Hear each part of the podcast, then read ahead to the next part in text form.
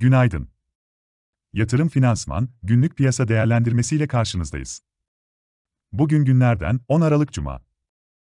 Amerika Birleşik Devletleri'nde 30 yıllık tahvil ihracına düşük talep gelmesi enflasyon kaygılarında artışa işaret ederken, risk iştahında da daralma görüyoruz.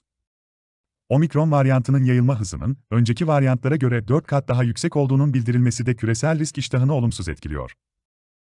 Amerika Birleşik Devletleri ve Asya'da tüketici ürünleri, teknoloji ve emlak hisselerine satış gelirken, Asya'da emlak sektörü yine ön planda. Fitch, Evergrande'nin kredi notunu sınırlı temerrüt düzeyine indirdi. Çin'in en büyük dördüncü emlak şirketi ve 11,6 milyar dolar borcu ile en borçlu üçüncü şirketi olan Kaysa ise 400 milyon dolar büyüklüğündeki borcunu salı günü vadesinde ödeyemedi. Çin hükümetinin bu şirketleri destekleme konusunda ağır kalması da kaygıları artırıyor. Son olarak, Amerika Birleşik Devletleri, Rusya geriliminin de küresel risk iştahını baskıladığını görüyoruz.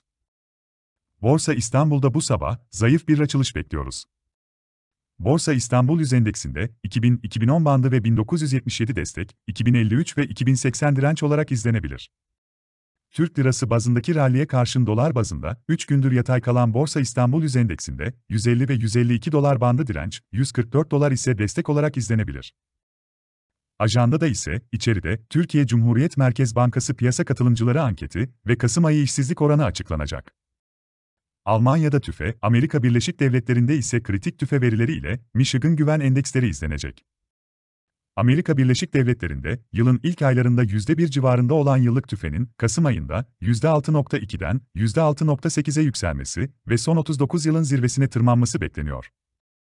Çekirdek tüfede ise yıllık %4.6'dan %4.9'a artış öngörülüyor. Amerika Birleşik Devletleri'nde genel olarak baktığımızda istihdam ve büyüme verileri güçlü gelirken enflasyonda ise artış sürüyor. Bu nedenle Fed'in parasal gevşemeden parasal sıkılaşmaya geçiş sürecini hızlandırmasını ve varlık alımlarını daha çabuk sona erdirirken faiz artırımlarını da daha tempolu şekilde masaya getirmesini bekliyoruz. Yatırım finansman olarak bol kazançlı bir gün dileriz.